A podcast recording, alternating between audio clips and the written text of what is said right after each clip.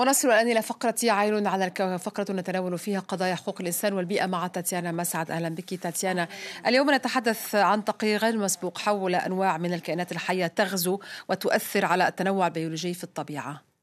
صحيح عزيزة وهذا التقرير الجديد يعتبر مرجعا في هذا الموضوع. نشره المنبر الحكومي الدولي للعلوم والسياسات المعني بالتنوع البيولوجي وخدمات النظام الإيكولوجي IPBES هو فعلا مرجع في هذا في هذا المجال والذي يتألف من مجموعة خبراء متعددي الجنسية يجتمعون تحت رعاية الأمم المتحدة. أعد هذا التقرير 86 خبيرا دوليا من 49 دولة استندوا إلى أكثر من 13 ألف دراسة مرجعية تم تجميعها وتوليفها مدى أربع سنوات. كل هذا بداية عزيزة لأعطيك ربما فكرة عن حجم وجدية هذه الدراسة. الآن هذا التقرير أو الدراسة إذا تتناول التهديد شبه الخفي ولكن الفعلي الذي تشكله الأنواع الغريبة الغازية ويهدف إلى التنبيه من هذه الظاهرة والسعي إلى إيجاد سبل للتصدي لها. والأنواع الغريبة الغازية هي الحيوانات أو النباتات الشديدة القابلية للتكيف والتي قد يدخلها الإنسان إلى منطقة ما طوعا أو لا إراديا فتتكاثر وتحل محل الأنواع المحلية أو تبعدها. ويصل الأمر بالأنواع الغازية على كائنات أخرى وحيوانات أخرى. كانت تتغذى عليه على سبيل تؤثر على كل السلسلة الغذائية على الاقتصاد على صحة الإنسان على على البيئة والتنوع البيولوجي فيها تحديدا م. ويصل الأمر اذا بالأنواع الغازية إلى الغازيه عفوا إلى جعل تلك المحليه أو الأنواع المحلية تنقرض وتنجم عن دخولها تبعات عدة غالبا ما لا يمكن توقعها أو التنبه لها قبل فوات الأوان. وبحسب خلاصة هذا التقرير الأنواع الغريبة الغازية تؤدي دورا رئيسيا في 60% من حالات انقراض الأنواع في جميع أنحاء العالم وهي بمفردها سبب في 16% من هذه الحالات. وكلفة الأنواع الغريبة الغازية في جميع أنحاء العالم تقدر بأكثر من 423 مليار دولار سنويا وهو مبلغ يتضاعف أربع مرات كل عشر سنوات منذ عام 1970 طيب. وأكد التقرير أنه بالإضافة إلى آثارها الضارة على الطبيعة فإن الأنواع الغازية تهدد بشكل خاص سبل العيش والأمن الغذائي والحصول على المياه والاقتصاد وصحة الإنسان. كما أفاد التقرير أن أوروبا والأمريكيتان وآسيا الوسطى هي المناطق التي أدخل إليها أكبر عدد من هذه الأنواع غير المحلية عن طريق النشاط البشري. في حين حدثت 90% من حالات اختفاء الحيوانات أو النباتات المرتبطة. مرتبطة بالغزو البيولوجي في الجزر طيب نتحدث تاتيانا عن حيوانات أم نباتات؟ آه نتحدث عن الدبور الآسيوي آه إلى جراد البحر الأمريكي مرورا بعشبة الرجيد والأعشاب العقدية اليابانية والسنجاب وحيوانات الراكون وغيرها السنجاب السنجاب السنجاب نعم إذا أدخل إلى آه نظام إيكولوجي غير نظامه. فهو يطغى على بعض الأنواع سمعت الأرانب أيضا في بعض الأحيان والأرانب صحيح. والأرانب.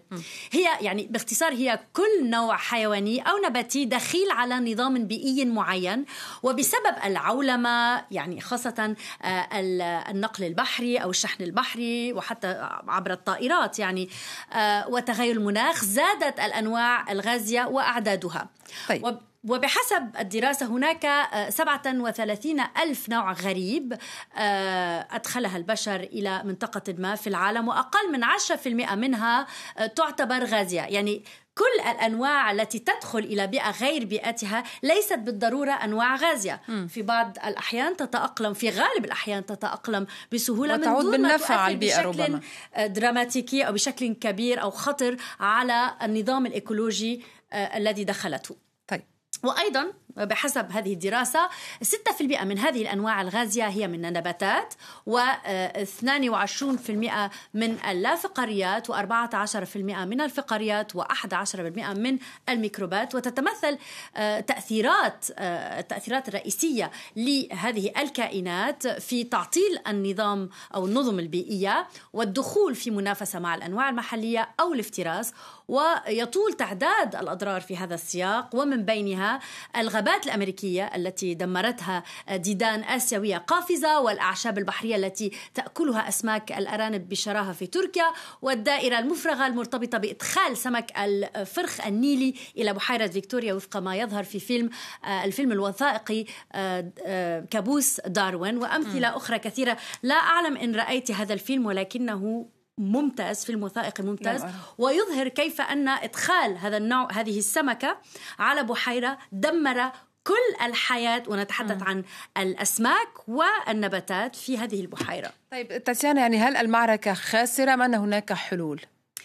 عزيزة تقدر آه، هذه الدراسة أنه إذا لم يبذل أي جهد لوقف المسار المدمر للأنواع الغازية فإن عدد هذه الأجناس آه، سيرتفع بنسبة 36% في عام 2050 مقارنة بعام 2005 يعني فهل المعركة خاسرة؟ كما تقولين؟ ليس بالضرورة. إذ إن إدارة الغزوات البيولوجية أمر واقعي وقابل للتحقيق مع فوائد كبيرة للطبيعة والناس بحسب تقديرات الدراسة التي تحدثت عن ثلاث خطوط دفاع أساسية. الوقاية والاستئصال والاحتواء فيما يبقى أكيد الخيار الأول هو الأكثر ربحية أو الأقل, الأقل كلفة. لكن لا يزال يتعين بذل جهود لبلوغ هذا الهدف.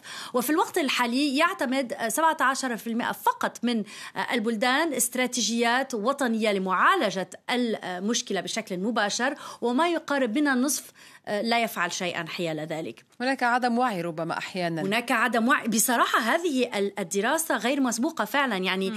لم كما تقول هو هو خطر آه، غير مرئي ولكن فعلي. وهذه المعطيات الجديدة آه، لم نكن يعني أكيد آه، كانت هناك دراسات حول هذا الموضوع ولكن ليس بهذه الشمولية وعلى مستوى العالم والعالم كله.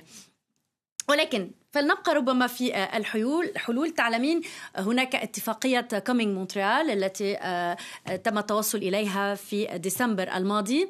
اعتمدها إذا المجتمع الدولي. والهدف منها هو خفض معدل إدخال الحيوانات الغريبة الغازية بنسبة 50% بحلول عام 2030 وفقا للأمينة التنفيذية للمنبر الحكومي الدولي للعلوم والسياسات المعني بالتنوع البيولوجي وخدمات النظم الإيكولوجية القائمة إذا على هذه الدراسة الجديدة فإن هذا الالتزام ضروري ولكنه للأسف طموح للغاية.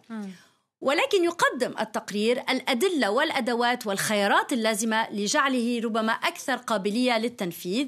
بالتالي يبقى الأساس هو الإرادة السياسية لفعل ذلك. ومن هنا ربما أهمية الوعي بكل هذه المعطيات الجديدة.